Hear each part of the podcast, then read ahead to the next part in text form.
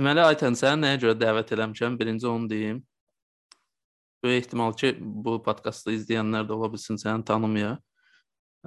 Aytən mənə görə, yəni mənim tanıdığım insanlar arasında az sayda Azərbaycanda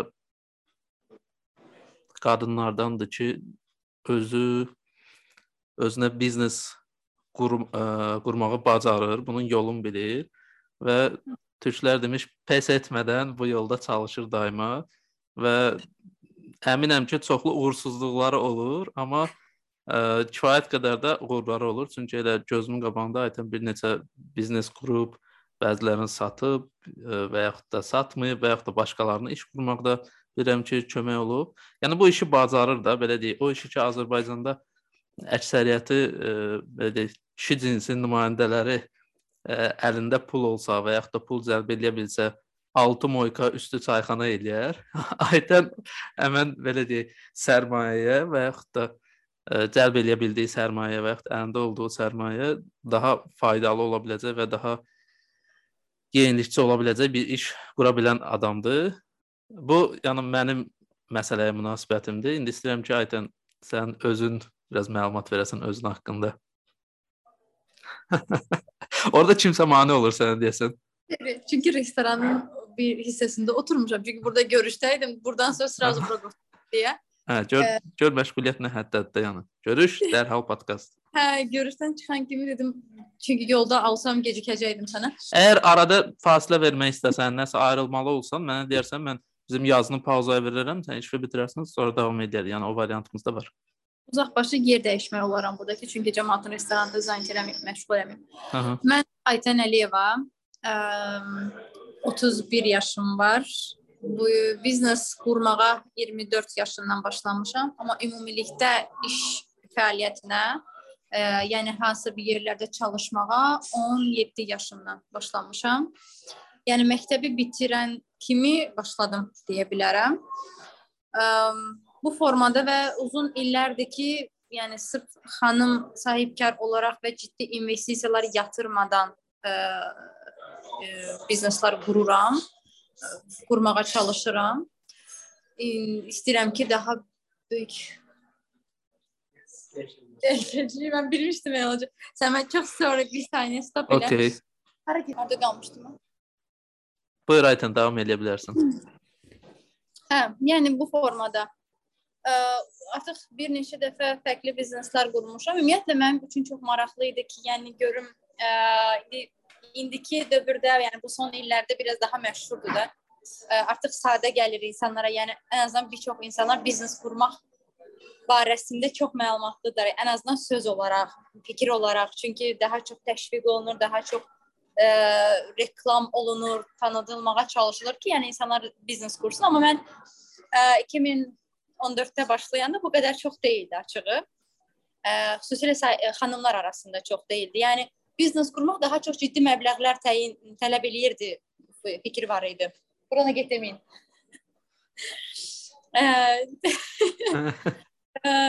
tələb eləyirdi, amma ə, yəni mən o vaxtı sırf bunu daha çox test eləmək üçün başlamışdım ki, görüm mən yəni ə, çox məbləğ yatırmadan, ümumiyyətlə məbləğ yatırmadan mən nəsə bir biznes sahibi ola bilərəm yoxsa yox və belə-belə başladı məndə. Çünki başqalarına işləmək istəmirdim o vaxtlarda o 9-6 dediyimiz iş rejimini yəni düzü ya məncə ya bacarmırdım ya da eləmək istəmirdim. O məni çox yorurdu, belə motivasiyam düşürdü aşağı. Onu necə başqa şeylə əvəz eləyə bilərəm deyə düşünə-düşünə, yəni məsələn özümün işimin sahibi olmaq istəyi yaranmışdı və onunla ə, belə yola çıxdım və elə də getdi. Açığı 2014-dən bu yana heç bir şirkətdə maaşlı olaraq çalışmamışam ə, keçən il də pandemiya dövrü bir fikrə düşmüşdüm ki, bəlkə bir gedib belə bir test eləyim, amma çünki bil, bilirsiniz də, yəni çox ciddi bizneslərə ziyan dəydi. Hə, hələ yəni böyük bizneslərin çoxu bağlandı, kiçildi, kiçiklərin də çoxu ümumiyyətlə ləğv oldu. Çox şükür, yəni yenə bunu düz eləyə bilmədim. Kimləsə çalışa bilmədim, çünki o yəni məncə məndə alınmır o hələ ki. Yəni nə səbəbini mən də tam tapa bilməmişəm. Ya təbiətim irəli təbiətimdən irəli gələrək alınmır, ya yəni şuuraltım deyir ki, yox Aytən sən bu yolda getmisən, bura get, sənin yolun buradır. Ya bu nədirsə, hələ ki onu ə, öhdəsindən gələ bilmirəm. Bəlkə gələcəkdə bilmək olmaz. Yəni böyük danışmayım. Bəlkə gələcəkdə doğrudan da çox belə top şirkətlərdə, top ə, bir pozisionda ola bilərəm. Onu bilmirəm, amma barmaq ki, ə, barmaq yeri dillərdə qoyursan da gələcəkçinə. Hə, yəni Çünki bilmirsən də, yəni istəklərimiz dəyişir, yaşa dolduqca, yəni böyüdükcə, təcrübəmiz artdıqca, ə, çox şey gördükcə, yəni dəyişirik. Dünya dəyişir, biz də dəyişirik. Bu gün istəmədiyimiz bir şeyi sabah çox istəyə bilirik və yaxud da ki, çox istədiyimiz bir şeyləri artıq bizə çox belə dəyərsiz, mənasız gələ bilər.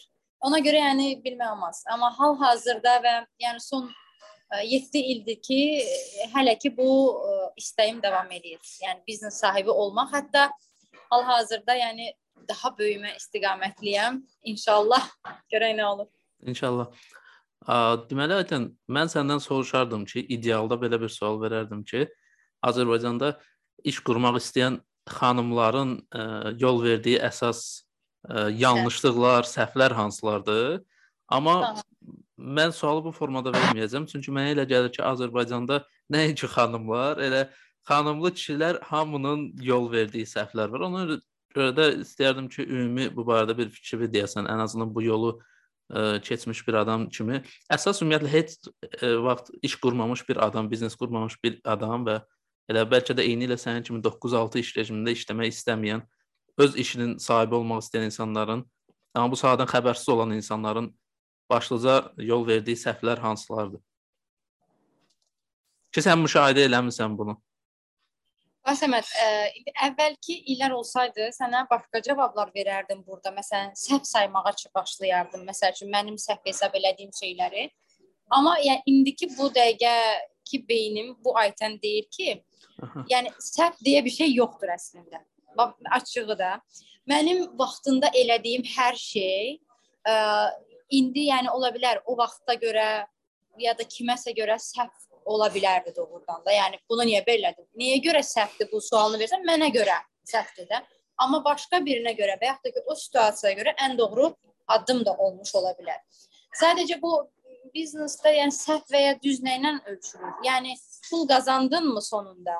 Bu iş alındı mı, alınmadı mı? Ona baxırıq da. Nəticədə biznes nədir? Puldur da.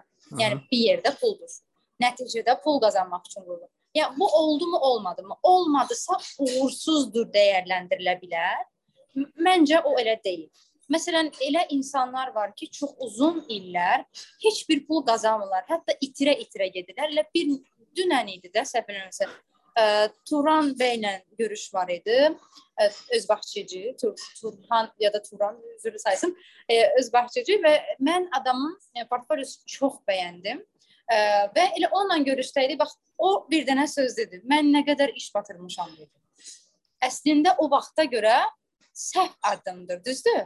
Amma bu gün o adamı o adam eləyən, bu indi bu dəqiqə onu uğurlu mu deyim ya da ə, yəni işlərini yaxşı aparmasının səbəbi mi deyim? O səhvləridir. Aydan o yəni, Turan bəy kimdir? O barədə birinci bir qısa məlumat ver. Bahçıcı hal-hazır Deməli, Araz Marketlər şəbəkəsinin lap əvvəllərdə qurucusu olub. Hı. Bunu sistemləşdirən, quran deyə. Çox belə 100% ola bilər nəyisə yanlış deyərəm, eləyərəm. Buna görə yəni çox yəni 100% mənim fikirlərimi götürmədə, yəni internetdən araşdırma ilə, amma adı uzun bir portfolyosu var. Yəni Askek şirkətlə şirkətinin təsisçisi və onun qurucusudur. Hal-hazırda Askekin də ə, sahibi deyək də odur. Ə, yəni tək sahibini deyə bilmərəm, amma sahibi odur. Ə, bir zamanlar Neptun və Rahat Marketlər şəbəkəsinin birlikdə ikisi eyni anda CEO-su olmuş bir adamdır. Yəni adam marketçidir, özü belə dedi. Aha. Və açıq mən çox bəyəndim. Orada olmaqdan da çox məmnun oldum. Bəzən olur ki, bilirsən də, yəni birinin uğur hekayəsini dinləmək üçün gedərsən və əslində orada bir uğur hekayəsi görməzsən. Uğur hekayəsi, yəni mən adətən getdiyim yerlərdə sonunda gəldiyi yerə deyil də necə bura gəldiyinə baxaram. Məncə bir çox insan da bunun üçün ora gedər. Yəni necə gəldin o yerə ki, mən də o yolu keçmək istəyirəm və yaxud da ki, sən səhvindən öyrənərəm falan.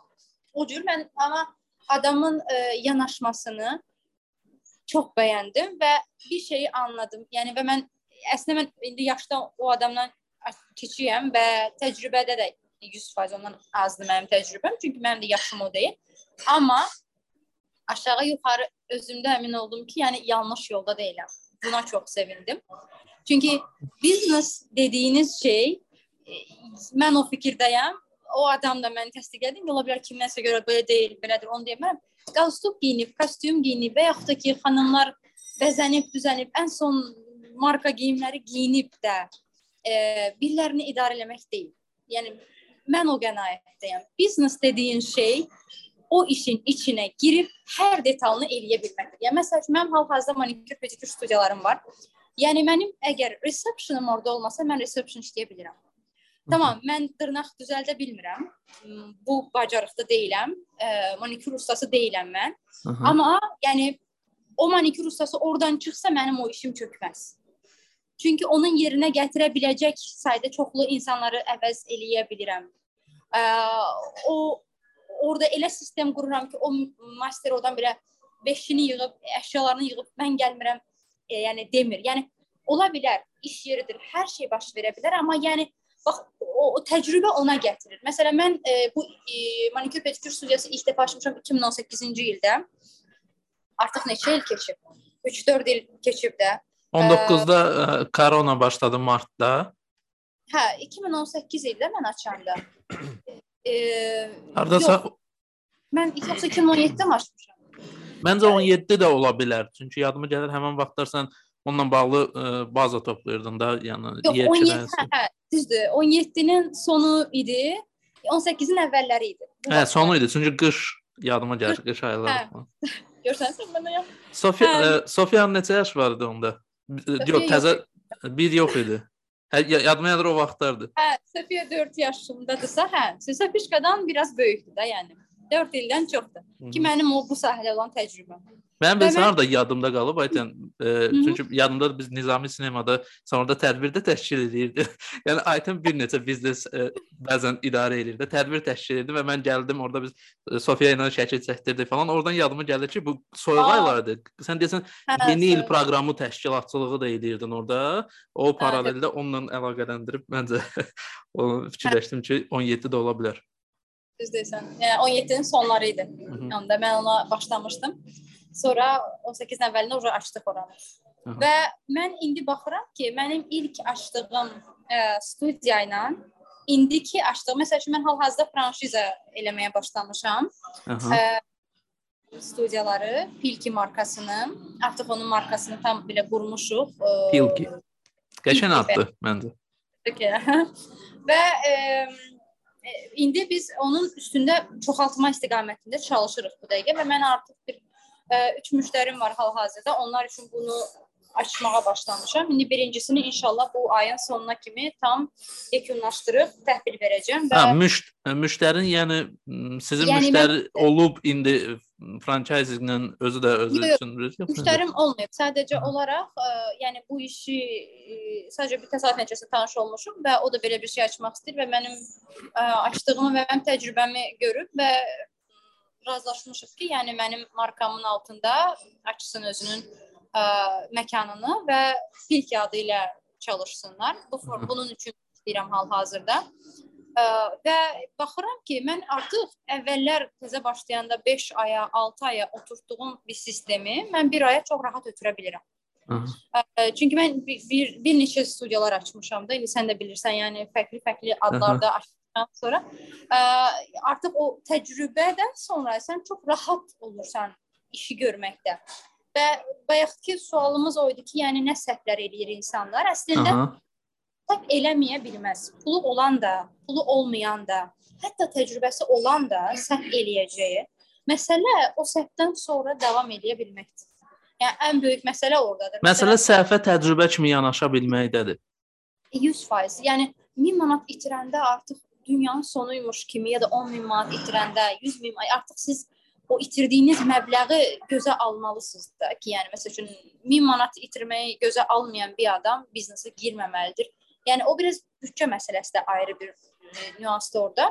Sadəcə yəni nəzərə almaq lazım ki, itirə bilərik. Məsələn biz ə, keçən il karantində hansı ki bağ, birinci bağlayırlar elə Aha. gözəllik salonları. Düzdür, indi bizimki də gözəllik salonu kateqoriyasına daxildir. Sırf manikür, pedikür olsa da, yəni onu da bağlayırlar. Biz neçə ay, 4 ayını işləməmişik. Yəni nə qədər yer bağlandı. Amma mən bağlamadım. Yəni israrlı şəkildə bağlamadım. Hətta mənim iş yerim mənə deyirdi ki, Aytan xanım, yəni bizdə artıq iş getməz falan. Deyirəm, niyə getmir? Səndən başqa hər kəs işləyir. Sən oturmamısan ki evində. Heç kim işləmir də. Heç kim- işləmir. Yəni bərabərdir orada. Yəni Aha. ə, elə bir şeydir. Yəni. Amma hə, situasiya hara dəyişə bilər ki, hər kəs də iş gedir, bizdə iş getmir. Aha. Demək ki, nəsə səhv gedir. Yəni Düz. nədəsə biz səhv eləyirik. Yəni ya reklamımız mı doğru deyil, ya xidmətimiz mi doğru deyil, ya məkanımız mı uğurlu deyil, yerlə yerləşməmiz səhv. Yəni nəsə bir səhv var da. Yəni bu biznesdə budur. Yəni hər işin bir riski var da. Yəni gedib siz bir şirkətə işə girəndə də risk yaşayırsınız. Sizə o, o işdən çıxmayacaqsınız deyə bir m, qarantiya yoxdur. Düzdür? Aha. Bunun da batmayacağı qarantiya deyil. Sadəcə burada biraz insanlar qorxulan şey nədir? Pul qoyurlar axı. Ondan Aha. biraz qorxurlar ki, pulu itirərlər. Artıq o da biraz seçim məsələsidir. Yəni Aytan sən bayaq belə bir şey, e, belə bir mövzuya toxundun ki, e, böyük məbləğlər vaxt var idi, lazım idi və yaxud da bəziləri belə düşünür. Fərz eləyək ki, kiminsə əlində ümumiyyətlə hər hansı bir məbləğ yoxdur, amma düşünür ki, o da öz biznesini qurmaq istəyir. E, Burada yanaşma nə cür olmalıdır? Yəni insan hər hansı bir formada gedib e, bütün hallarda hardasa işləyib təcrübə qazanmalıdır, sonra e, kənar investisiya cəlb eləməlidir, yoxsa nə cür olmalıdır burada yanaşmalar? Səməd, indiki dövrdə investisiya eləmək istəyənlərin sayı artıb əvvəlkilərə nisbətən. Hı -hı. Amma investisiya eləyən adam, yəni pul verən adamdır. Bəli. Pul verən adam da bu pulu hardansa necəsə qazanıb. Pul qazanmaq asan deyil. Bu adamın əlində bu pul varsa, demək ki, Hı. bu adam bu pulunu sənə verirsə çox ciddi ölçəcək, biçəcək. Üstə hələ yəni Azərbaycanda daha da çox ölçəcək. Çünki biz gedib 6 nədir, moyka üstü çayxana açmağa öyrəşmiş və yaxud da ki gedib bunu əmlaka yatırmağa öyrəşmiş bir beyin kütlə idi. əsasən. Toplumda toplumda yaşayırıq. Yəni biz gedib ev alıb qoymağı daha təhlükəsiz hesab eləyirik, amma indi bunu artıq yavaş-yavaş məşhurlaşır. O ölü o ölü pullardır da, o belə bir şey var da. Ölü və ya diri nəticədə yatırımdır da. Məsələn, ev alırsan, qoyursan. Zəlzələ olub, ev uçmayıbsa Allah uzaq eləsin. Yəni ə, kirayə pulu alırsan, sonunda da ev sənə qalır da. Yəni nə qədər olmasa sənin pulundur orada yatan. bu Amma nə, bu ev məsələsi, ev məsələsi aytın necə bu ölü pul dedim, o varlı ata kasıb ata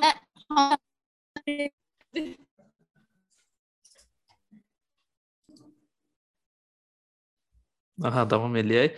Bu ə, ev məsələsi, ölü pul məsələsi nəyə görədir, deyim? O varlı ata kasıb ata ə, kitabında bu Robert Kiyosaki. Kiyosaki hə, o mövzuya toxunur.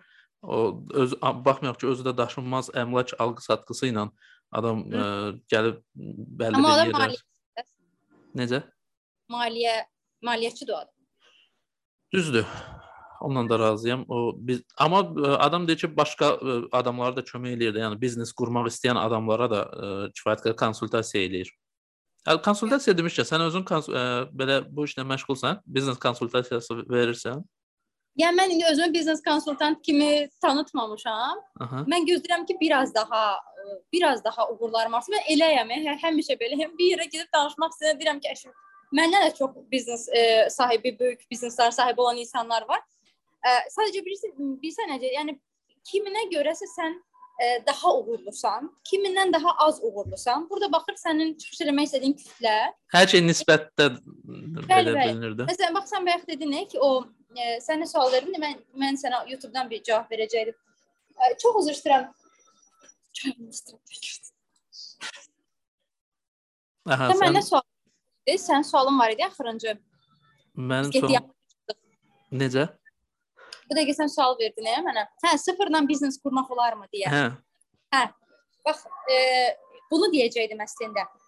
Mənə mən YouTube-da biraz kanal açmışdım, bilmirəm bilirdin yoxsa, Hə, hə, bilirdin hə, yəni. bilirdim. E, və mən onu əslində biraz dayandırdım. E, çünki davamlı olaraq e, həm ona vaxtım olmurdu, həm də biraz belə o o nüans var idi. E, məni biraz bəzən demotivə elədi. Sonra düzdür mənə bir çox adam deyir ki, Ayten sən çoxlarına motivasiya olurdun falan. Gerçəkdən olurdu. O YouTube kanalında, yəni sən görsəydin mən nə qədər e, Instagrama mesaj gəlir ki, bəs Ayten xanım mən bu qədər pulum var. Mən nə eləyə bilərəm? Aha. İnsanların çox ciddi ideyaya ehtiyacı var. Bir də özgüvənə. Bax indi Səməd, sən deyirsən sıfırdan biznes qura bilərlər. Bilərlər. Özgüvən lazımdır. İkinci Ə, məncə daha çox ehtiyac var bizdə. 100%. Bizdə yox, ümumiyyətlə dünyada.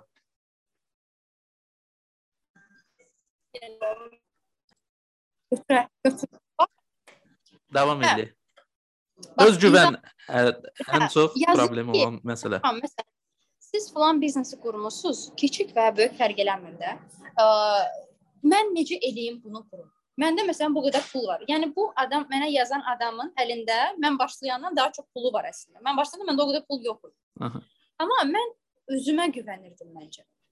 Və belə çünki mənə heç kim dəstək də olmamışdı. İndi sən məni çox yaxşı tanıyırsan. Gəl yəni bir rəqəm ə, bir rəqəm adlandıraq da. Sən başlayanda əlində nə qədər pul var idi? heç nə. Maaşımı gözləyirdim. Heç nə yox idi məndə. mən onda Azərfonda işləyirdim. Aha.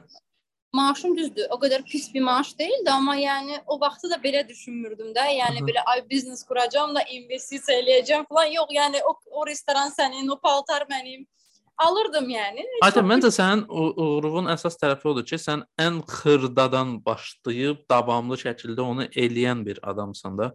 Hə, mən bilirsən necə elədim o vaxtı. Mən götürdüm, event şirkəti yaratdım. Əslində bu event şirkəti deyil, çünki mən event şirkəti nə olduğunu çox bilmirdim. Event şirkəti yəni ə, tədbir təşkilatı. Tədbir. Bəli, mən daha çox sürpriz e, təşkil eləməyə başladım. Yəni sırf elə deyirdim hər kəsə. Mən sürpriz təşkil eləyənəm deyirdim. Biraz cəmaata biraz Ad qəribə gəldi. günü, evlilik təklifi. Hə, kiməsə sürpriz eləmək istəyirsən, Aha. onu sevindirmək istəyirsən, ideyan yoxdur, mən verirdim ideyanı. Aha. Amma biraz bunun üçün biraz pul lazım ol olurdu başlarda. Gördüm yox da mən mən ona pul yatıra bilmirəm. Yəni biraz ə, belə şey elədim, nə bilim, roll up elədim. Aha. Səhv eləmirəm. Sonra yadımdan çıxır, deyəsən yaşlandım. Şar, girliyandalar, musiqi, Hə, şeylər, dansları. Hə, amma onlara pul yox idi. Aha. Mən bilirsən necə idi? Mən amma cəmaata göstərməli idim ki, mən bunu eləyirəm. O vaxt mənim komandamda qızlar var idi. Mən e, universitetimizin debat klub sədri idim. Aha. E, qiyabı yox, onu da eləyirdim. Hər şeydə Aytən. Bizim qızlar orada mənlə çalışırdılar. Yəni mənim debat klubumda komandam idi. Yəni yaxşıydıq e, və mənim bir ailəm kimi idi. Sən onları ma monetizə edib biznesinə dəvə eləmişdin. Hə, onlar gəlmişdi ora və yadımdadır ki, hətta Günel e, e, təşkil eləmişdi, səhv eləmirəmsə, Günelin tanışı bir qız var idi. Onun maması onkoloji xəstə idi. Allah köməyi olsun. Bilmirəm indi ya o tanı tanımıram onları. O ona sürpriz elədik. Elə e, onun həyətində, onkologiya həyətində e, sadə kağızlardan düzəltdi, qızlar düzəltdi, özümüz düzəltdik falan və ona elədik o sürprizi. O qədər çox sevinmişdi ki, o həyətdə olan o xəstələr falan Ya mən e, yadımdadır ki, mən belə gözümdən yaş gəlirdi də. Hər dəfə belə eləyirdim belə şeylər, belə Aha. özümü çox qəribə hiss edirdim. Və mən baxıram ki, mən doğrudan belə passion var, belə o istək var onları eləməyə. Həqiqətən belə gecə yata bilmirdim səhər. Təzədən o qədər mən ideya gəlirdi, bunu eləyim, onu eləyim, onu. eləyim. Sonra getdikcə bu belə biznesa çevrilməyə başladı da. Çünki insanlar məndən ideya almağa başladı. Sonra bir gün bir problem oldu işdə. Ə, mən ə, davamlı mən Suraxanda yaşadığım üçün köhnə Suraxanım amma Aha. yolda Mən oradan işə gəlib şəhərin mərkəzin çatına, yəni illa ki probka nəsə olurdu. Bir də Heydərli prospektinə həmişə prezident keçəndə yolu bağlayırdılar. Və mən tutuzdura bilmirdim də o vaxtı. Yəni həmişə orada mən probkada qalmış olurdum çünki yol bağlanırdı və sonra açılan mən bir 10 dəqiqə də olsa gecikmiş oldum və mənə 3 dəfə ə, nə deyirlər ona? Ə, nə deyirlər? Yəni şey Bildirik. Allah. Hə də yəni ki gecikmisən deyirlər. Aha. Bunu var, unutdum. Gör illərdir olmadığı üçün Töhmət. töhmət. Hə.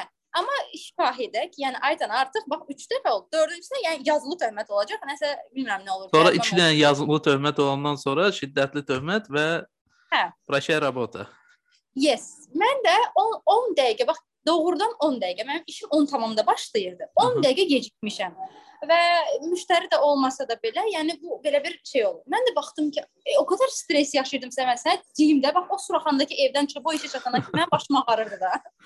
Çünki yerin dibinə girirdim o 10 dəqiqə gecikəcəm deyə. Gördüm yox, bu iş məni öldürəcək və mən belə bura tərəf Xəstəliyi tamamilə tapacam burada.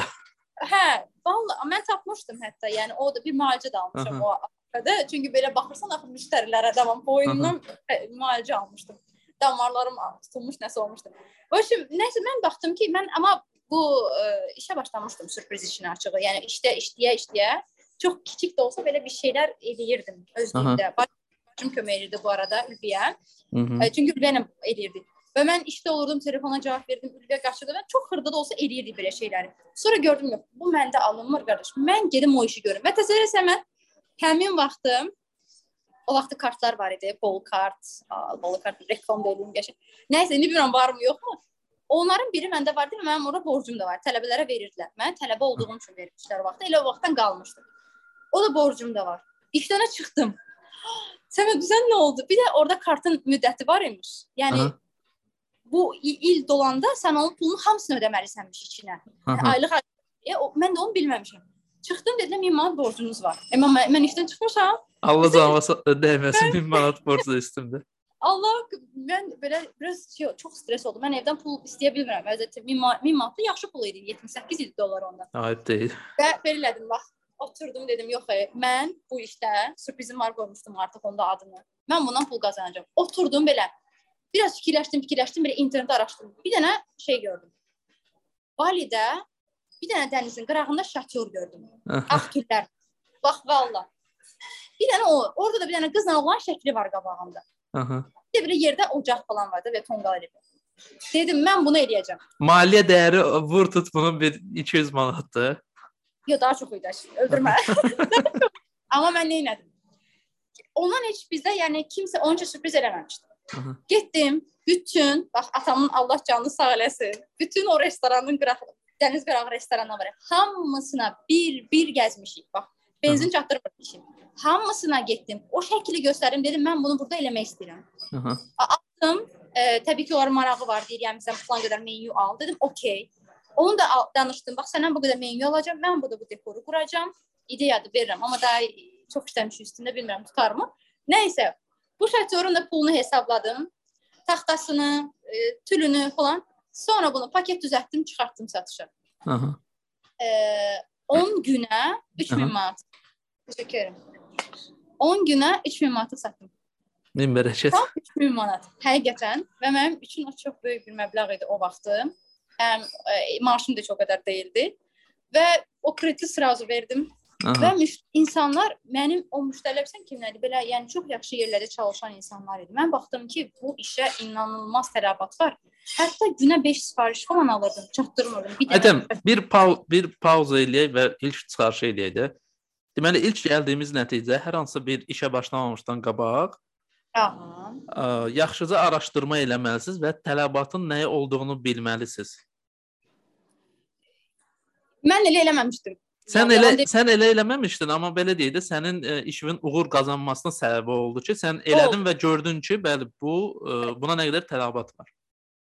Mən daha çox bilsən nə deyərəm, Səməd. Nə ideyan var, yəni Aha. insanlara ziyan verməyəcək bir şeydirsə, dur onu elə. Aha.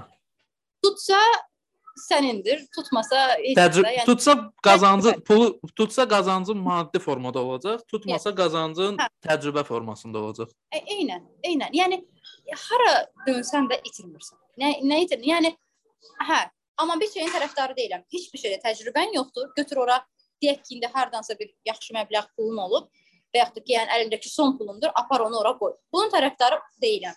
Bu dəqiqə mən özüm bilmədiyim sahəyə gedib ciddi məbləğ, əgər onu mən idarə edəcəmsə, mən yatırmaram. Bilmədiyim bir şey niyə yatırım? Amma onu kiçik şəkildə öyrənərəm ya da gedib kiməsə ortaq olaram.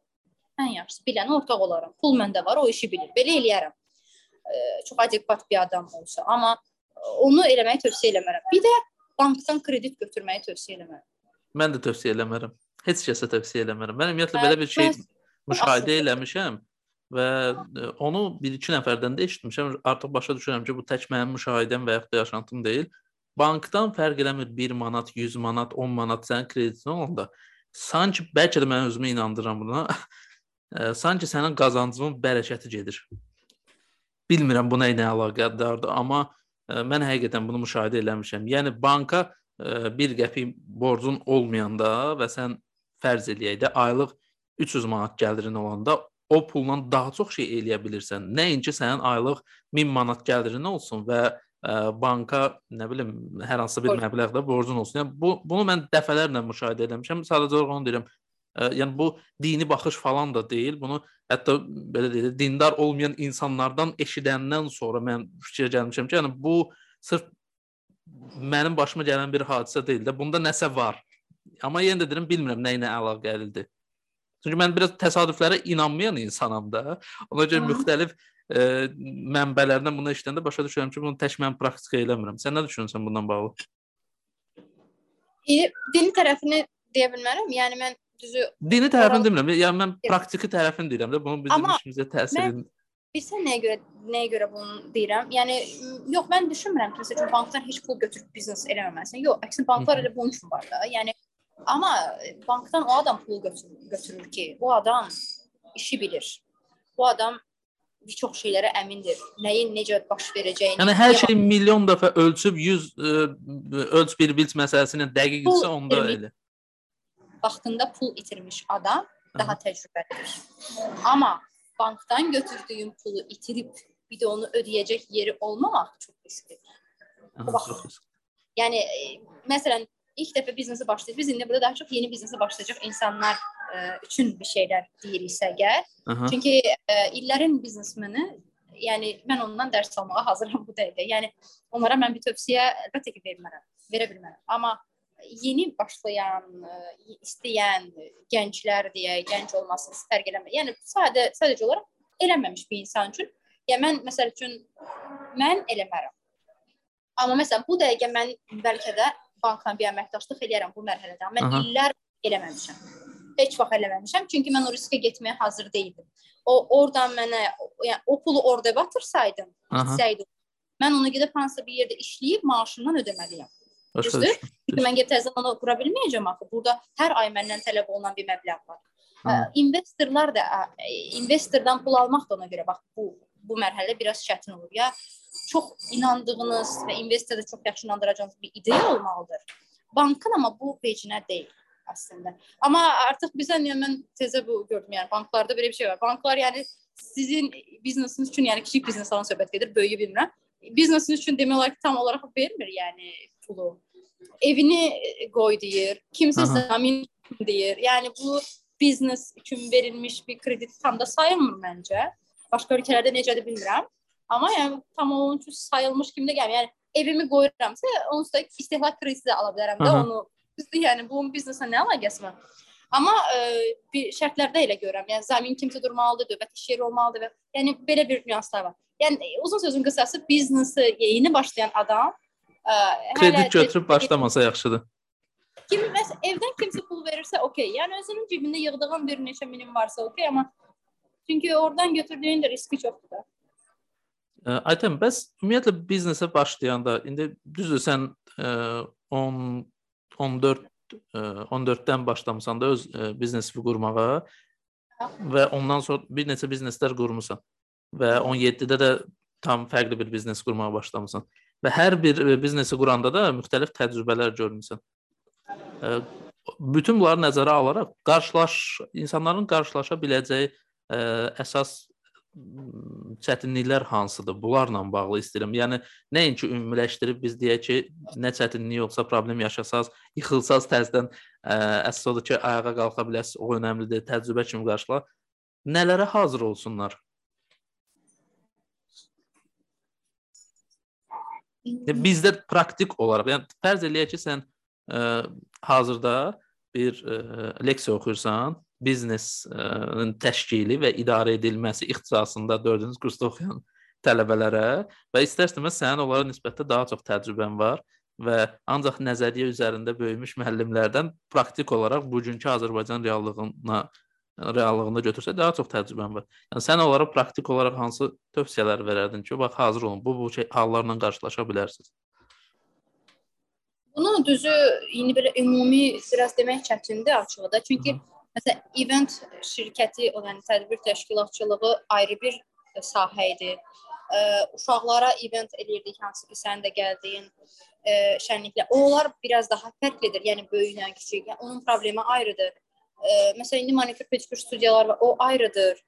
bunların çox-çox, yəni hər birinin də özünün özünə görə fərqli çətinlikləri var da. Məsələn, birində ə, müştəri ilə ə, işbirliyi çətindirsə, digərində işçi ilə işbirliyi çətindir. Ə, digərində ümumiyyətlə tamam başqa problemlər çıxır ortaya. Başa düşdün necə? Yəni məsələn, bunların ortaqlaşdırıb deyə bilmirəm açığı. Yəni bəlkə də sualını tam anlamamış da ola bilərəm üzrsə.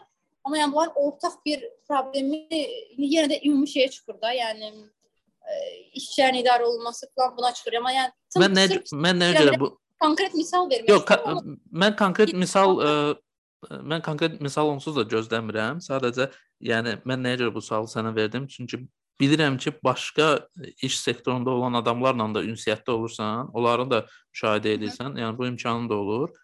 Bilirəm ki, kimlərəsə konsultasiyada eləyirsən və öz biznes öz bizneslərində də rastlaşdığın əsas çətinliklər nədir? Yəni o onları nəzərə alaraq demək. Yəni, yəni əlbəttə belə deyək də, dəmir turbaların istehsalı və satışı sahəsində sənin təcrübən yoxdur çünki onunla məşğul olmamısan. Bəlkə də məşğul olmusan, bilmirəm.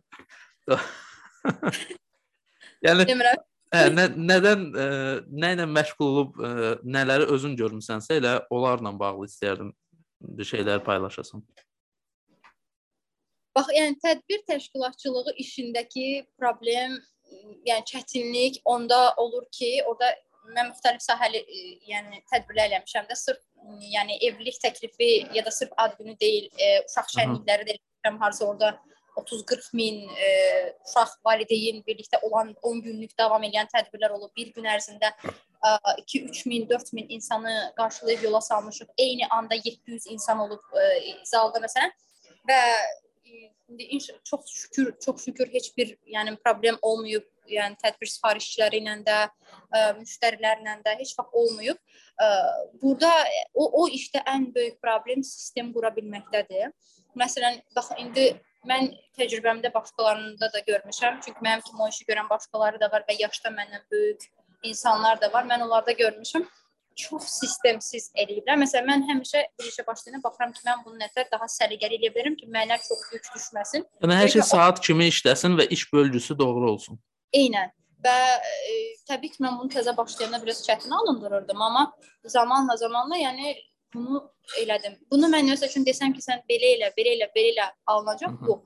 Çünki o adamın, məsələn, mən işçi ilə çox yaxşı davrana bilərəm, tutaq ki, o davranmaya bilər. Sözün deyilişindən tutun da baxışına qədər, yəni baxışınıza qədər dəyişir bu və vəziyyəti dəyişdirir bu iş. Vurduğun yəni, vurğulara qədər. Sözdə. Yəni məsələn, e, mən bəzən baxıram ki, işdə tutaq ki, mən e, menecerə deyirəm ki, e, işçilərə belə de, ə, mən bu tonla deyirəm, o gedir onu öz tonu ilə deyir. Aha. Bir də baxıram ki, işçi gəlib ki, Aytə xanım, hə, mən işdən çıxmaq istəyirəm. Görürəm ki, siz məndən çox narazısınız. Mən heç başa düşmürəm ki, nə baş verib. Sonra bir də baxıram situasiyaya, deyirəm, Allah, mən bu qıza nə dedim? Bu niyə işdən çıxmaq istəyir? Həmin baxıram ki, menecer mən dediyim kimi deməyib, biraz başqa tonda deyib. Bu tamam yanlış anlayıb məsələni. Orada biraz vəziyyət insana görə dəyişir. Məsələn, o biznesi kim idarə edirsə, ona görə dəyişir.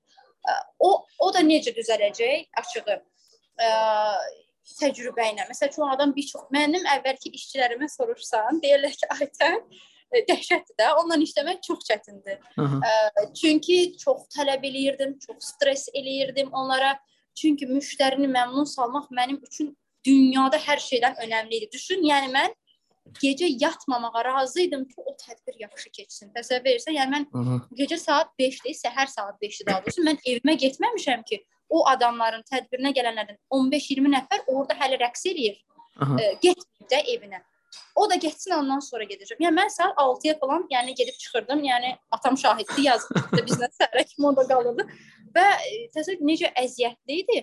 Amma mən o stresi özüm stres keçirirəm. Eynisini işçiyə də ötürürdüm. Mən təzə başlayan. Amma indi məsələn onu eləmirəm. Artıq neçə illər keçib üstünə.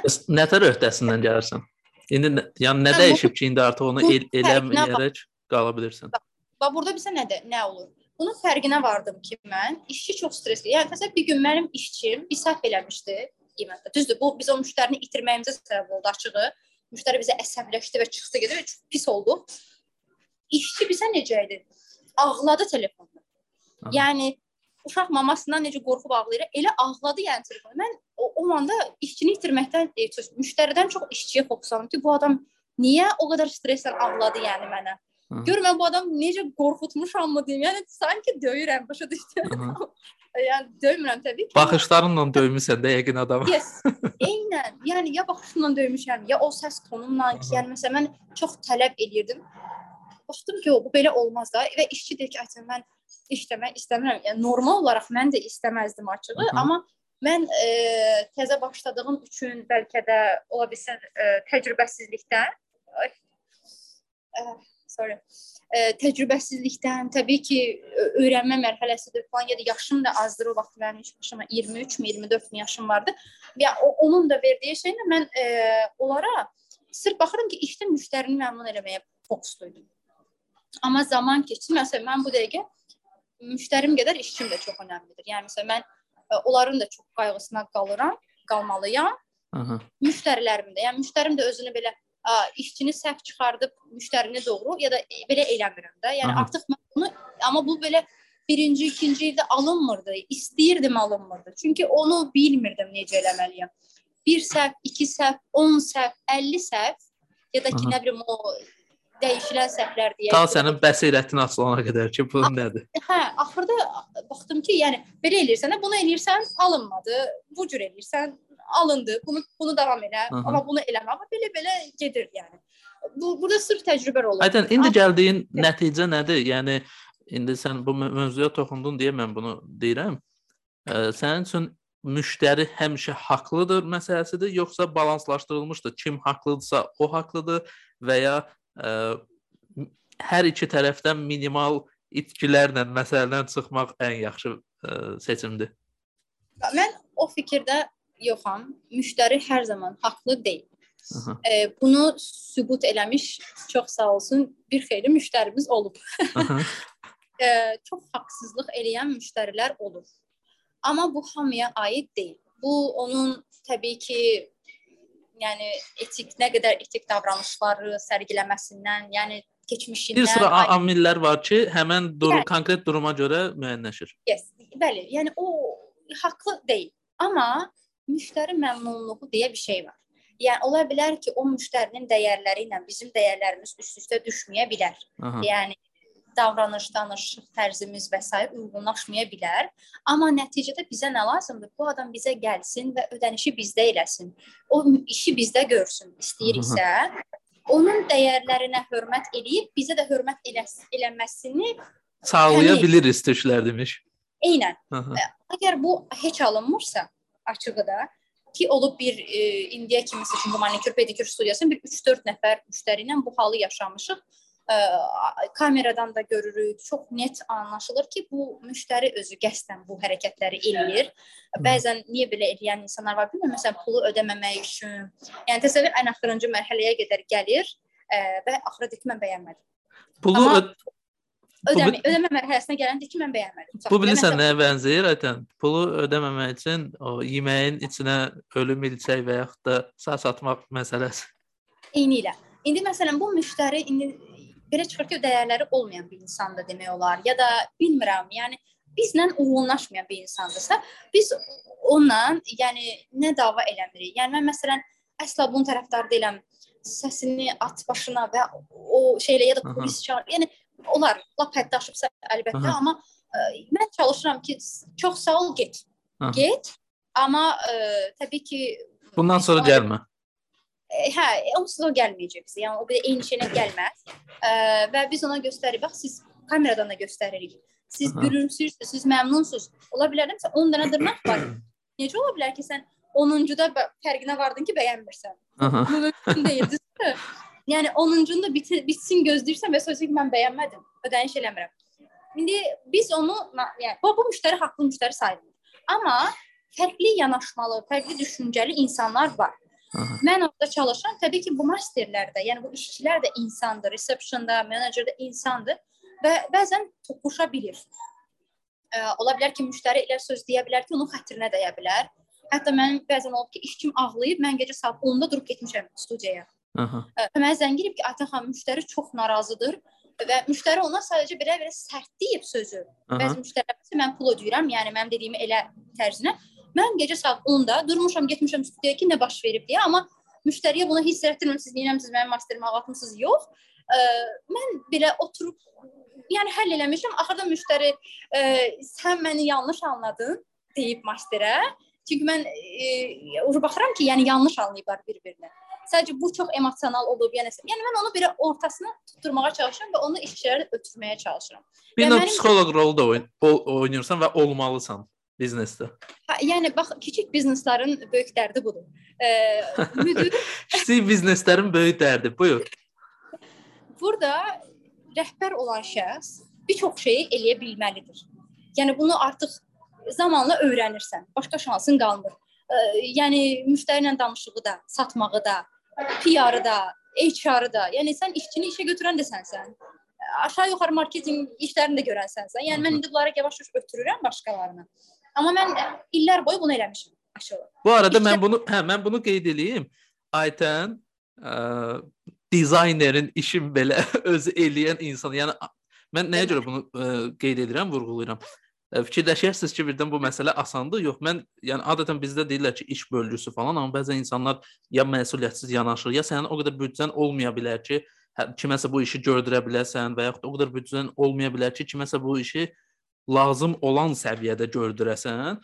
Ona görə Aytən mən görmüşəm ki, özü dizaynı belə Photoshopda girib YouTube-dan öyrənib eləyib, nə bilim özü montaj eləyib Premiere-də. Yəni ə, Məncə Aytən sənin uğurlu olmağının əsas tərəfi budur ki, sən həqiqətən o bir insan əgər kofe shop açmaq istəyirsə, gedir ora birinci işçi düzə işçi olaraq düz, işə düzəlməlidir. Hər bir tərəfin öyrənməlidir. Müştəri ilə ünsiyyət, nə bilim, işdən sonra orada ə, polu silməyin falan hər şeyin öyrənməlidir ki, tam olaraq sonra o sən bayaq ə, qeyd elədin, dedin ki, birdən reception olmasa mən onun yerinə işləyə bilərəm. Yəni bu formatda olmalıdır ki, sən istənilən durumdan çıxa biləsən. Bizdə Azərbaycanda biraz bu tendensiyada belə bir nə bilim bilmirəm, yəni xanım sahibkarlar arasında belə görəm, düzdür, elə olmayanlar da çoxdur, amma elə olanlar ə, e, var yetəri qədər.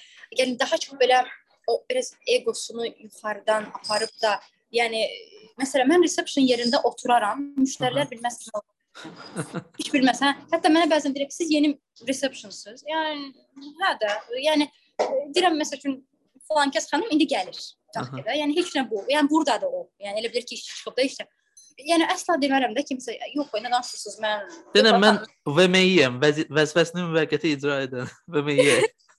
yəni məsələn bax mən ə, e, elə bilirəm ki, yəni tə təcrübəm onu göstərir ki, mən də elə olub nə qədər iş çəkirmişəm sırf bu səbəblərə görə ki, məsələn mən ona biraz daha belə ə, e, sərt danışmışam, bəlkə də bəlkə də yox danışmışam yəni sırf biraz belə çünki işini yaxşı görməyəndə mən belə çox ə, e, əsəbləşirəm ki, yəni sən bu sənin öhdəliyindir də, amma amma indi eləmirəm.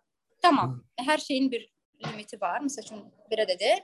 Prosta mən heç vaxt ə, o çərçivəni keçməyi sevmirəm. Məsələn, o qarşımdakı insandır və onun bir haqqları, hüquqları var. Onu bilməyin tərəfdarıyam. Məsələn, bəzi şeylərlə bunu qorumurlar. Bunu heç tərəfdar deyiləm. Yəni o subordinasiya qaydalarını gözləmək. Hə, onu gözləm. Mən nə qədər əsəbləşsəm də onu hər zaman, yəni əvvəllər onu aşmamışam və hələ də biz o uşaqlarla hələ də tanışıq, yaxınıq, ə, e, yəni ə, e, dostuq. Sadəcə olaraq məsələn onlar mənim müdir kimi ə, e, deyir ki, yəni onun yanına getdinsə çox işlə. İşlə işləməsən olmur yəni. Mən həmişə bir şey düşünürəm. Yəni biz bura nə üçün gəlmişik? İşləmək üçün gəlməmişik. Aha. Yəni müştəri bizə niyə pul verir? İstədiyimiz üçün verir. Gəlin işləyək. Pul qazanaq. Yəni məsələ sadəcə pul qazanmaq deyil də, yəni orada olma səbəbimiz var. Onu yerinə yetirək. Belə. Aydın, bəs sən necə düşünürsən? Belə bir e, ifadə var da, deyir ki, ya sevdiyin işlə məşğul olmalısan, ya məşğul olduğun işi sevməlisən. Səndə bunun hansı tərəfidir? Mən əslində ə, e, məşğul sevmədiyim işi məşğul ola bilmirəm. Aha. Amma ə, ağlıma iş batırsa onu eləyirəm. Məsələn, mən manikür pedikür studiyası quranda, yəni Aha. heç vaxt mən manikür eləməmişəm ömrümdə.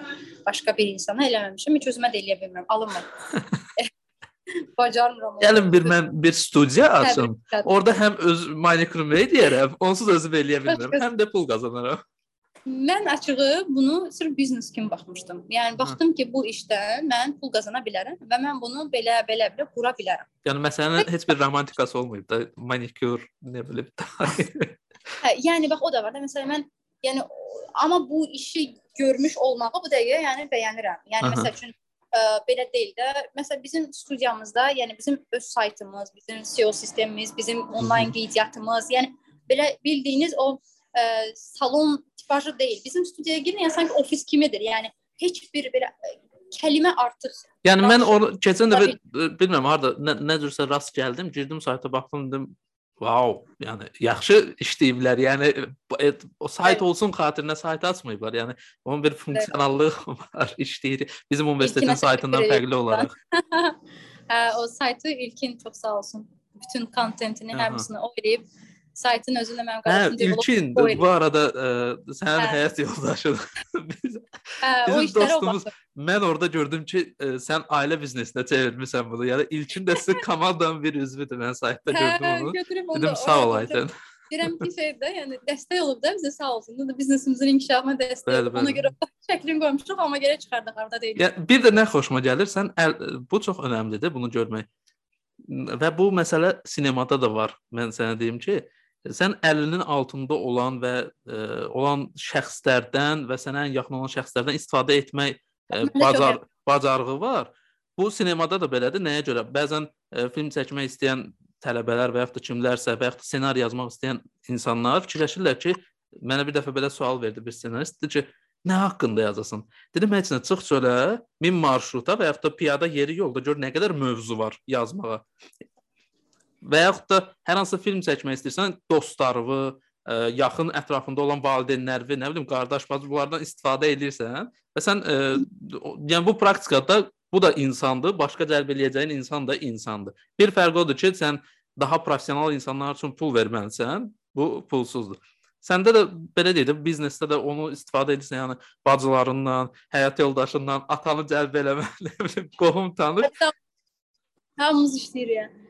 Bizdə biraz düz ailədə elədir ki, biz hamımız bir-birimizə kömək eləyənik. Yəni Aha. belə böyüdülmüşük ki, hamı bir-birinə kömək eləməlidir. Yəni ailə nə üçün var? Bunun üçün var. Yəni. Ə, indi təbii ki, biznes olanda yəni hər an öz işi var, o ayrı başa düşürük. İndi biz əvvəllər lap çox birlikdə işləyirdik. İndi yaşımız az idi, təcrübəmiz az idi. İndi mən bacım biznesi var, o bir bacımız üçün ə, moda dizayn oxuyur, həm də onu işləmək istəyir. Amma yenə də biznesə nədəsə lazım olsa, biz bir-birimizin həmişə yəni qaçırıq bir-birimizin işinə. Məncə belə olmalıdır. Ailə dediyim budur. Mən seçməyin yoldaşım da, yəni ilkin də sağ olsun, ə, e, yəni o onu edə bilir. Məsələn mən ona çox səbirli insan deyiləm. Məsələn, oturub uzun kontent yazmağa mən yaza bilirəm əslində.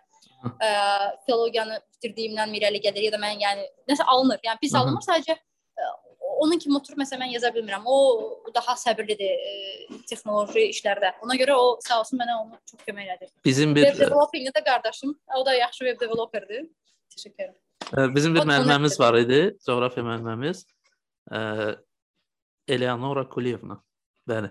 O belə bir söz deyirdi. Deyirdi ki, nəyəsə nail olmaq istəyirsənsə həyatda və yaxud da indi o vaxt universitetə hazırlaşırdıq. Deyirdi ki, ə, bir bu olmalıdır. Başı başı göstərirdi. Bir də deyirdi ki, insanın ə, oturma qabiliyyəti olsun. Yəni səbrin olsun ki, oturub nəsə eləyəsən. Yəni o kontent onda səbrim yox. Hə, o kontent yazmaq Hə, ondan razıyam. Sən bu hə. dedim filologiyanı bitirmisən. Mən burdan ona görə keçid eləmək istəyirəm və istəyirəm bu məsələyə də toxunasan. Bizdə universitetdə təhsil e, məsələsi nə qədər önəmlidir sən hər hansısa bir məsələ işlə məşğul olmaq istəyirsənsə. Hə, işlə məşğul olmaq istəyirəm. Məncə önəmli deyil. Heç önəmli deyil. Sən məncə önəmli deyil. Bu mövzunu bağladı. yəni bax, ə, e, məsələn mən filologiyanı oxumuşam. Pedaqoji Universitetinin filologiya fakültəsini bitirdim. Ə, mən ə, yəni filologiya fakültəsinin tələbəsi olaraq fərqli şirkətlərdə də çalışmışam və illərdir öz mən filologiyanın biznesin nə əlaqəsi var? Biznes dediyin şey, yəni belə ə, anlayıram, yəni onun da bir ə, kitabları var, elmi də var. Amma o bir lazım olan yerdə. Məsələn, mən e, biznesi başda Aha. Görüntü bərpa oldu. Bərpa oldu, hə. davam edə bilərsən. Yəni mən başda e, biznes biliklərinə ehtiyac duyduğumu hiss eləmədim. Amma bir neçə ildən sonra, hə, artıq biznesi böyüdəcək mərhələyə gətirəndə Hı -hı. biznes biliklərinə ehtiyac oldu. Ə, onu da ki iki yolla həll edirsən. Ya özün gedib öyrənirsən, Aha. ya da ki bilən adamları işə götürürsən. Bu artıq seçimdir. Ə, və bir də ki təbii ki büdcə məsələsidir. Yəni pulun varsa onu götürürsən, hansı sən. Mən indi bir şeyin baxıram ki, fərqindəyəm ki, hər şeyi öyrənə bilməsən. Məsələn, mən gedib indidən sonra 2-3 il, 5 il ya da 4 il gedib bir də onu oxumaq, hə, gedib MBA oxuyum gedim bir də. MBA oxumaq mən də istəyirdim açığı, amma yəni gecə yatanda da birinə ideya eləyə bilərəm deyə fikirləşirəm. Mən necə MBA oxuyacağam onu da bilmirəm. ya alınmır yəni, başa düşürsən? Oxuyum dedim. Vallahi bir IELTS hazırlığına başladım. Olmur. ey. Mən onun üstünə otururam, birdən bir şey gəlir. Oradan ya hələ o mərhələyə gəlib çıxmamışam Aha. ki belə o Bill Gates kimi gedim bir yerə özümü bir yerə bağlayım. İldə bir dəfə çəkilim, bir kiçik Yəni, bir ya, ya mərhələyə Aha. gəlməliyəm mən. Ya da ki, nə bilim, hələ ki alındıra bilmirəm yəni onu. Çünki durmadan beynim bir sən fikirləşir. Məsələn, bu dəqiqə franşiza ver. Mən özü çox detallı fikir, qız bürcündən irəli gəlir. Yəni, o qədər detallı fikirləşirəm Aha. ki, bu bu necə olar? Yəni gecə saat 2-də belə bəzən bir şey yadıma düşər və onu məsəl üçün mesaj ataram ki, səhər birdən yadıma. yəni mənim işçilərim deyir ki, "Ayten xanım, siz 100% yatmırsınız." Yəni e, valla məndə o alınmır. Hələ ki alınmır. Və o günləri sənin söz və qüvvət e, dedin ki, o gecə saat 2-də belə bir problem yaşadım. Bir neçə şey beynimdə ə, fırlanırdı və mən fərqinə vardım ki, mən gecə yata bilmirəm. Yəni sanki beynimdə bir neçə fikir danışırdı. Ki, yəni bu nə cür olacaq, o nə cür olacaq və mən gördüm ki, artıq sadəcə deyirdim ki, ilahi mən yatmaq istəyirəm də, yəni susun, beynimdəki səslər, fikirlər susun. Yəni ideya o tərəfdən e, falan işi nə cür görəcəm, bunu nə cür görəcəm. Onlar danışır, sən istəyirsən ki, onları söndürəsən bir e, yer olsun ki, o işığı söndürən kimi söndürəsən və sakitlik olsun. şey var da bilirsən də, yəni NLP-də onun ım, açıqlaması var yəni. Bir ara NLP ilə məşğul idim. Maraqlı idi mənə. Aha, bu- buyur paylaş. Mən, məlumatım yoxdur. Dinlə Hə, məlumat. Yəni o beyni yatmağa qoymayan şeylər var. İndi ta- tamam mən o qədər yəni mükəmməl bilməyə bilərəm, səhv deyə bilərəm nə isə. Yəni professional olanlar rica edirəm. Çox e, demin yəni Kommentlərdə bölüşün. deyil. Doğrusu nədirsə. Amma yəni beyində bir e, xeyli açıq e, papkalar deyək də onlar Aha. qalır. O nə qədər ki, necə ki kompüterdə, ekranda biz çoxlu papkanı açanda Hı hı. kompüter donur e, və biz başqa bir işi görə bilmirik. Bəli. Eyni ilə də o cür e, qurulub və beyində çoxlu papkalar açıq qalanda hansı ki, çoxlu yarımçıq fikirlər deyək də, tamamlanmamış işlər, fikirlər olanda beyin yata bilmir. Çünki beyin e, səndən tələb edir ki, onların hamısını bağla, mən sakitləşim. Yəni başqa variantın yoxdur. Ona görə biz o beynimizi idarə edə bilmək hissəsi var. O çox həqiqətən çox önəmli bir şeydir. Mən lap əvvəllər sənin kimi idim. Bax heç yata bilmirdim. Amma məsəl üçün mən indi istəsəm bunu edə bilərəm. Sadəcə mən bəzən 1 saat 2-yə kimi oturub belə oturub yox da, yəni beynimdə gedir. Hə, bunu belə eləmir. Beynimi netləşdirib yata bilirəm. Amma əvvəllər bunu heç, yəni sürprizim var təzə yaradanda mən gecə səhərə kimi yatmadığımı görürdüm günlərlə. Yəni yox idim. Mən arıq, vəbşə yox idim mən. Mama dedi ki, bu uşaq ayaqüstü ölür. O vəziyyətdə idim. Amma ə, onda mən çünki bunu necə eləyirlər bilmirdim. Sonra çox sağ olsun e, NLP ilə bağlı bir neçə dəfə, 6 dəfə, neçə dəfə getdik. Nəsə onunla bağlı bir təlimlərə falan getdim. Hətta ona məşğul olmaq istirdim, belə koç kimi, amma sonra baxdım ki, yox, dərd dinləyə bilmirəm hələ ki. Ona görə Öz dərdim mənə bəsdir. hə? Hə, daha çox dərdim var, amma e, yəni baxdım ki, bir də mən o da mənim beynimi məşğul edəcək. Dedim, ya, ən yaxşısı mən papkaları bağlamağı öyrənim hələlik. Papkaları bağlamayan biraz məşğul ola bilərsən, biraz araşdırsan görərsən. Yəni beynində sadəcə yarımçıq açıq papka qoymursan ki, yəni məsələn, bunu 3 gün sonra eləməlisənsə, beyninə denən ki, bunu 3 gün sonra eləyəcəm. İndilik bağlayaq, 3 gün sonra Aha. açacağam sən. Belə fokuslasan məncə yavaş-yavaş alınacaq. Aha. Biraz da Mən ə, sadəcə həmin o gün yaşadığım o problemdən sonra nəyin fərqinə vardım? Hər şey atdım bir qırağa. O fikirlər ki, beynimi məşğul edirdi, başladım onları həll eləməyə və ondan Aha. sonraki gün rahat yatdım. Yəni o Görsən? sən hə düz deyirsən, həqiqətən belədir o məsələ. hə, bunu NLP deyir. Aha. Amma orada adama əziyyət verən əsas məsələ bilirsən nədir? Sən fiziki cəhətdən yorğunsan. Aha. Yəni sadəcə olaraq oturan yerdə görürsən ki, sən artıq yatmalısan da, beyin sönür. Bir var yatmaq ki, bilirsən ki, yatmaq vaxtıdır. Bir də var ki, artıq fiziki cəhətdən sən istasyonlu deyir ruslar ona, yəni enerji qalmayıb da artıq sorul. Uzanmısan, yatırsan, beyin sönmür. Yəni o, o o pis tərəf odur orada. Və hər dəfə də bilirsən nətərdir?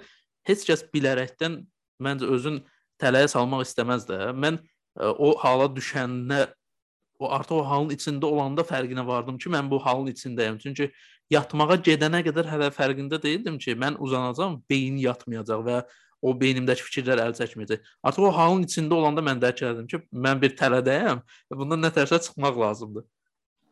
Tabii Həmin günü mənə bir açıq bir dostum kömək elədi. Biz danışdıq ondan hardasa. Sadəcə mən beynimdə olan problemlərlə bölüşdüm. Dedim ki, yəni budur, budur, budur. Mən ona görə yata bilmirəm. Belə və biz danışıb bitirəndən sonra mən fərqinə vardım ki, artıq ə, beyin sönməyə başladı və bir rahatlıq yarandı. Ə, və özümə söz verdim ki, növbəti gün heç mən bu məsələləri həll edəcəm və ə, qurtulacağam bu məsələdən. Yəni belə oldu. İnşallah. Aytən, ə, ə, biz yekuna doğru yaxınlaşırıq və yekunda səndən də soruşmaq istəyirəm ki, ə, bizə tövsiyə edə biləcəyin və yaxud da bizneslə məşğul olmayan insanlara tövsiyə edə biləcəyin hər hansı bir kitablar, məqalələr nəsə varmı? A, kitab məqalə. Aa, tak. Kitablar nələr var? Əslində son 2 ildir də. Son 2 ildir normal kitab oxuduğumu demək olmaz. Yalandan insanlara hə, çünki e, birinci bu pandemiya vaxtı ümumiyyətlə kitabla məşğul olmanı daha çox nə eləyə bilərəm ona baxırdım. Aha. Mən daha çox kitabdan ə, yəni öz özüm özlüyümdə əvvəllər çox çox kitab oxuyurdum. Bədii, nə bilim, şəxsi inkişaf, nə bilim, biznes, nə olsa oxuyurdum ki, yəni məsələn nə mənə heç lazım hesab edirəm. Amma indi açığı bu son 1-2 ildir heç eləmirəm. Yəni yalandan bir ay çox az kitab oxumuş olaram, bəlkə bir 4 dənə, bəlkə də 5 dənə. Ha, yox, bir hə, bir 5 dənə falan oxumuşam. Məsələn, Momonu falan oxuyurdum. O mənim çox xoşuma gəlmişdi. Kstati, o zamanın idarə olunması ilə bağlı məsələ. Adı nə idi müəllifin?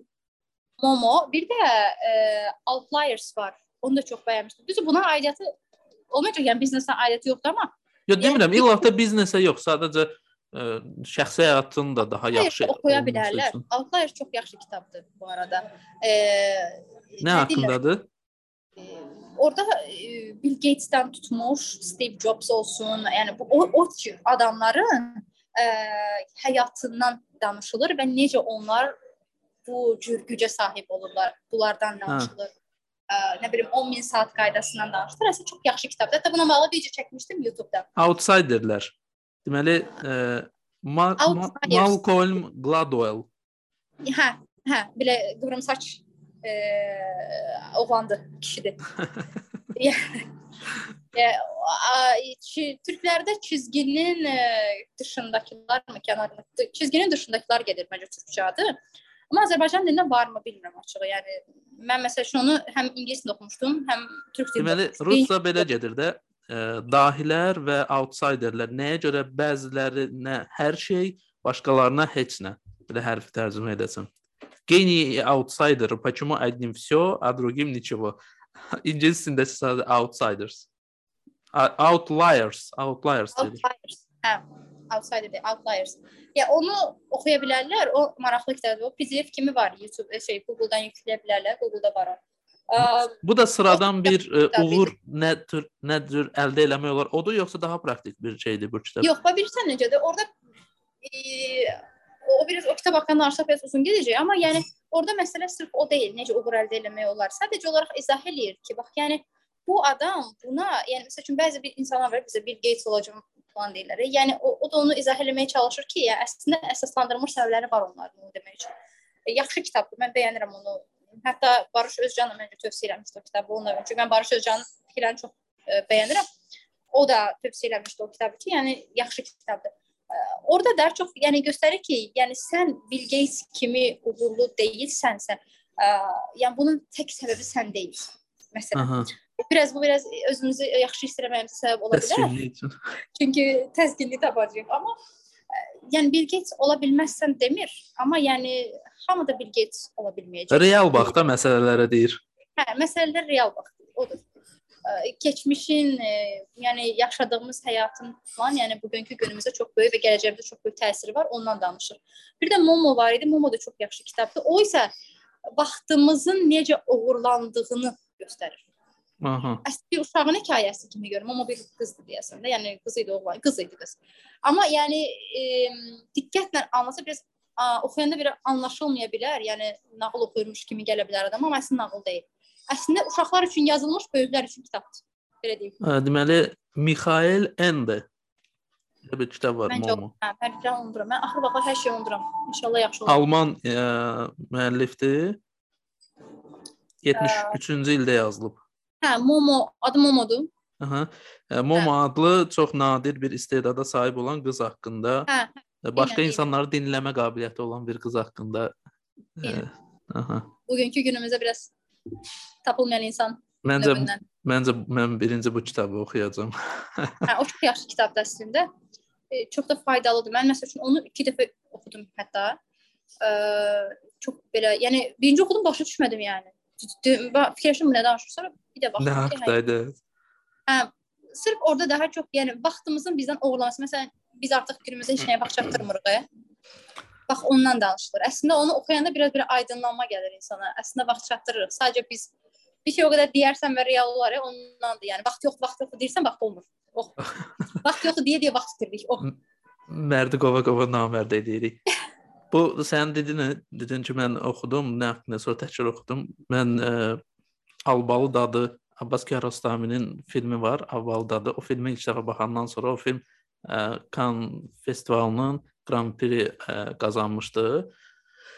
Ə, və mən baxdım filmə ilk dəfə fikirləşdim ki, mən buna niyə baxdım da hətta özümü qınadım ki, axı niyə mən buna baxdım? Niyə bu vaxtımı buna sərf elədim? Və özümü qınam qınama şiddətim artdıqca artırdı və o art, artan səviyyədə mənim anlama başladı gəlməyə sanki dedim bir dəqiqə baş bilmirəm nəyə görə baş verdi. Özümü nə qədər çox qınıyırdımsa, o qədər daha çox filmi anlamağa başlayırdım və birdən o başladı o elə belə o papkalar açılmağa. Mən başa düşdüm ki, bu nə e, demək istəyə bilər müəllif və oturdum filmi bir də təkrar baxdım və ikinci dəfə baxanda dedim ki, necə də möhtəşəm filmdir. İndi baxın, siz filmə baxmıram. Hə, indi o suala gələcəkdim ki, bəs filmlərə baxırsanmı? Sən dedin ki, filmə baxmıram. Mən filmə, yəni baxa bilmirəm mən. Aha. Net baxa Xoşbəxt bilmirəm. adamsan Aydan. Həqiqətən xoşbəxt adamsan. Yəni əgər ümumiyyətlə məncə müəyyən e, məncə insanlar fərqli olduğuna görə belə deyir. Bu da normaldır. Tutaq ki, kimsə sən deyirsən filmə baxa bilmirəm. Mən deyirəm ki, tutaq ki, filmə baxmadan qala bilmirəm. Və yaxud da bundan məşğul Amma olmadan. heyranlıq duymuram desəm yalan olar. Məsəl üçün adamlar baxıram ki, nə qədər filmlərə baxıblar da. Ya mən onun baxdığının onda birinə baxa bilsəm böyük işdir. Ya heç cür baxa bilmirəm. Hətta hələ bəzən e, belə baxıb onu bəyənmirəmsə, vəbşə deyirəm, ayda nə qədər vaxt getdi. İndi də Safiya olduğuna görə evdə o da bir imkan vermir. o da yəni Sən- sinemaya da gedib baxmaq, yəni Sən bir elə siyahı tut, Safiya böyüdükdən sonra deyən ki, bax qızım, bax mən bu qədər filmə baxa bilməmişəm. Sırf sənə də vaxt ayırdığıma görə. Yo bizə yəni, gəlir o da bir şey, məsələn filmə baxanda istəyirsən ki, fokusun orada olsun da, Aha. yəni tam anlayasan, nəyisə qaçırmaq istəmirsən, amma elə maraqlı filmlər olur. Sadəcə e, indi Safiyana düzü, bəlkə də o çox sən vaxt ayırarsan, yəni.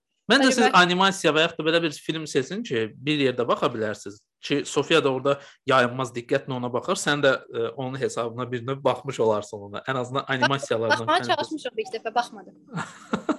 baxmadı. Yəni o özünün multfilmlərini daha çox bəyənir məncə və həm də multfilmə də çox. Uşaqlar axı tez fokusları dağılır.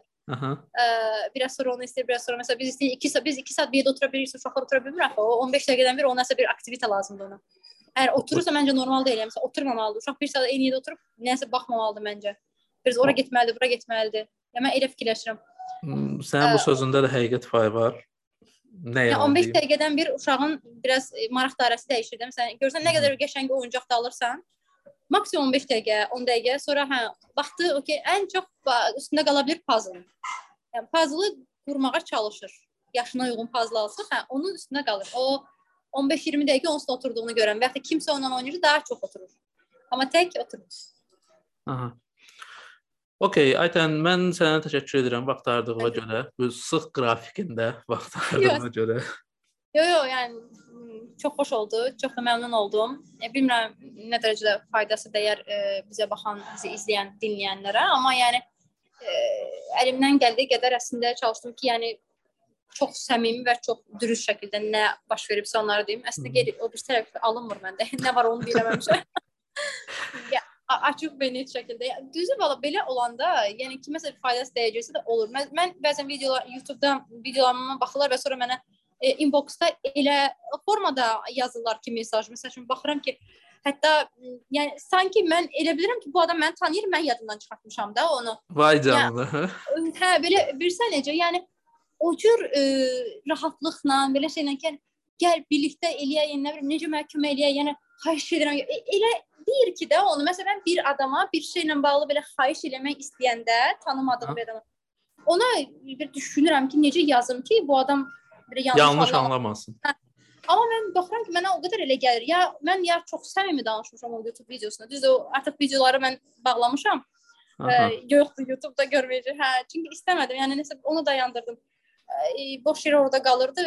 İstəmədim o olsun. Bəzən məsələn baxıram ki, ə, bəzən kimsə yazır ki və bu ideyaları bəyənmədim tutaq ki, amma ə, baxıram ki, yəni nə nəsə iş görübmü bu adam? Məsələn, birini bəyənməzsən, sən ondan daha üstün Aha. olmalısan da onu bəyənməmək.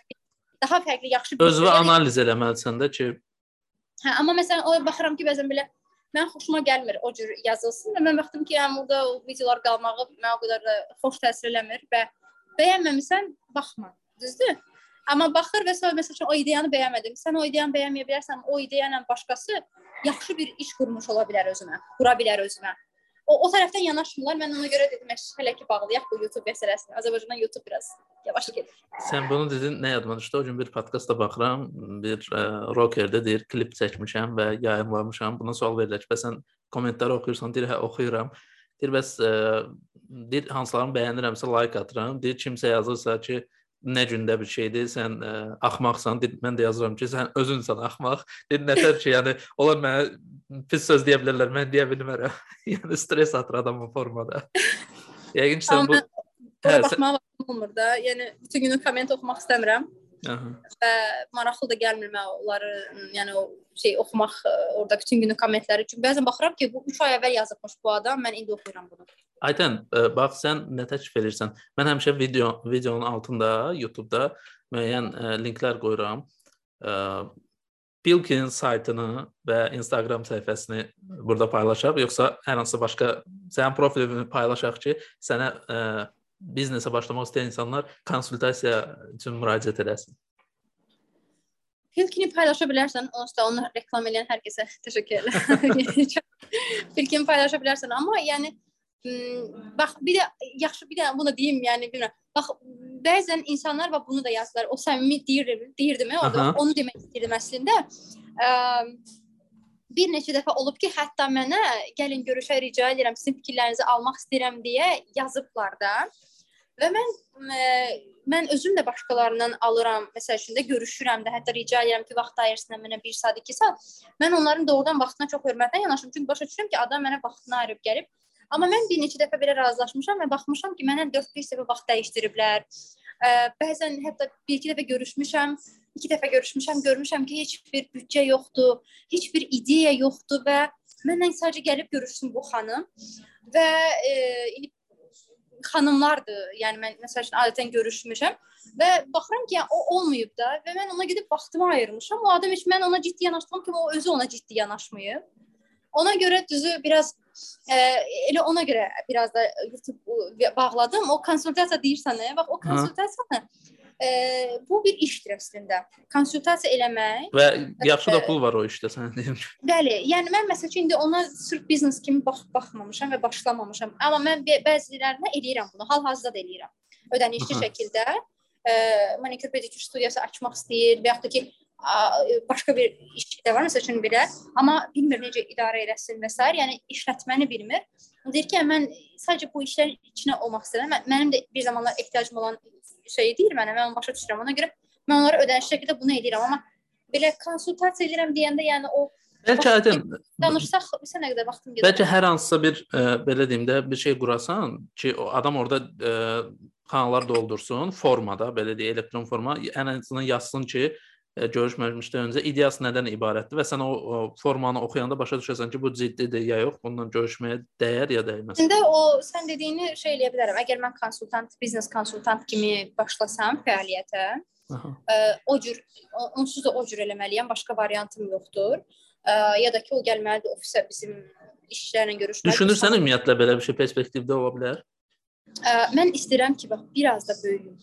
Aha. Ə, təcrübə olaraq və yaş olaraq. Mən bu dəqiqə, yəni mənim bu dəqiqə götürə biləcəyim insanlar illah ki var. Amma mən Aha. o kütləni biraz çoxaltmaq istəyirəm. Yəni mən daha çox şey bilmək, daha çox şey təcrübə eləmək istəyirəm ki, sonra insanlara belə əminliklə, rahatlıqla bunu deyə bilim də. Yəni mən ə, yəni mən hələ ki özümü o qədər yetərli hesab eləmirəm. Baxmayaraq ki, məsələn, kiminə görə mən çox uğurlu ola bilərəm, amma mən özüm Aytan olaraq özümü yetəri qədər uğurlu hesab eləmirəm. Aytan bəs qorxmursan ki, o heç vaxt o hiss yaranmayacaq ki, daha da artıq olsun? Yox, yəni baxır da bu uğurun bir ölçüləri var da, hər hərin özünə görə bir ölçüsü var. Aha. Yəni məsələn sənə görə e, məsəl üçün tutaq ki, 1 milyon manatdırsa uğur qazanmaq, kiminə görə 100 min manatdır, kiminə görə 10 milyon manatdır, kiminə görə e, 1000 işçisi olmaq. Səndə neçə milyon manatdır? Hə, mən milyon manatdan çox e, mənim e, işçi sayım Aha. mənim üçün çox əhəmiylidir. Nə qədər insan işlədirəm. Çünki nə qədər çox insan istəyirsə milyon manat o, o, ona nisbətdə artan bir şeydir onsuz da. Aha. Və mən nəyin sahibiyəm? Yəni məsələn orta statistik ə, Azərbaycanlı deyim, yəni Azərbaycanda yaşayır. Azərbaycanlı xanımın ə, orta statistik məsəl üçün o 10 nəfərdən 7-sinin eləyə biləcəyi bir iş görmüşəmsə mən, mənim üçün uğur sayılmır.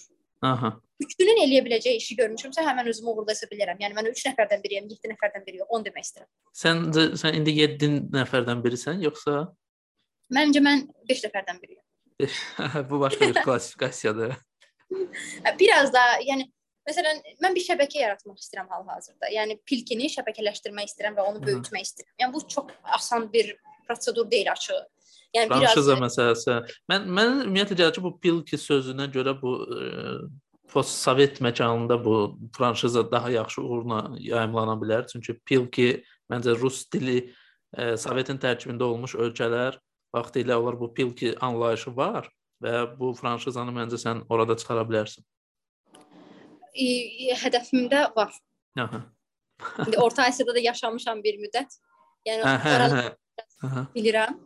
Ə, elə niyyətimdə var. Aha. İnşallah Gürcüstandan da başlayacağam. Biraz Gürcüstana da keçim. Türkiyəyə də gedim. Deməli, mən ə, sənə uğurlar arzu edirəm və Pilki Az saytının da keçidini yerləşdirəcəm bu videonun description-ında.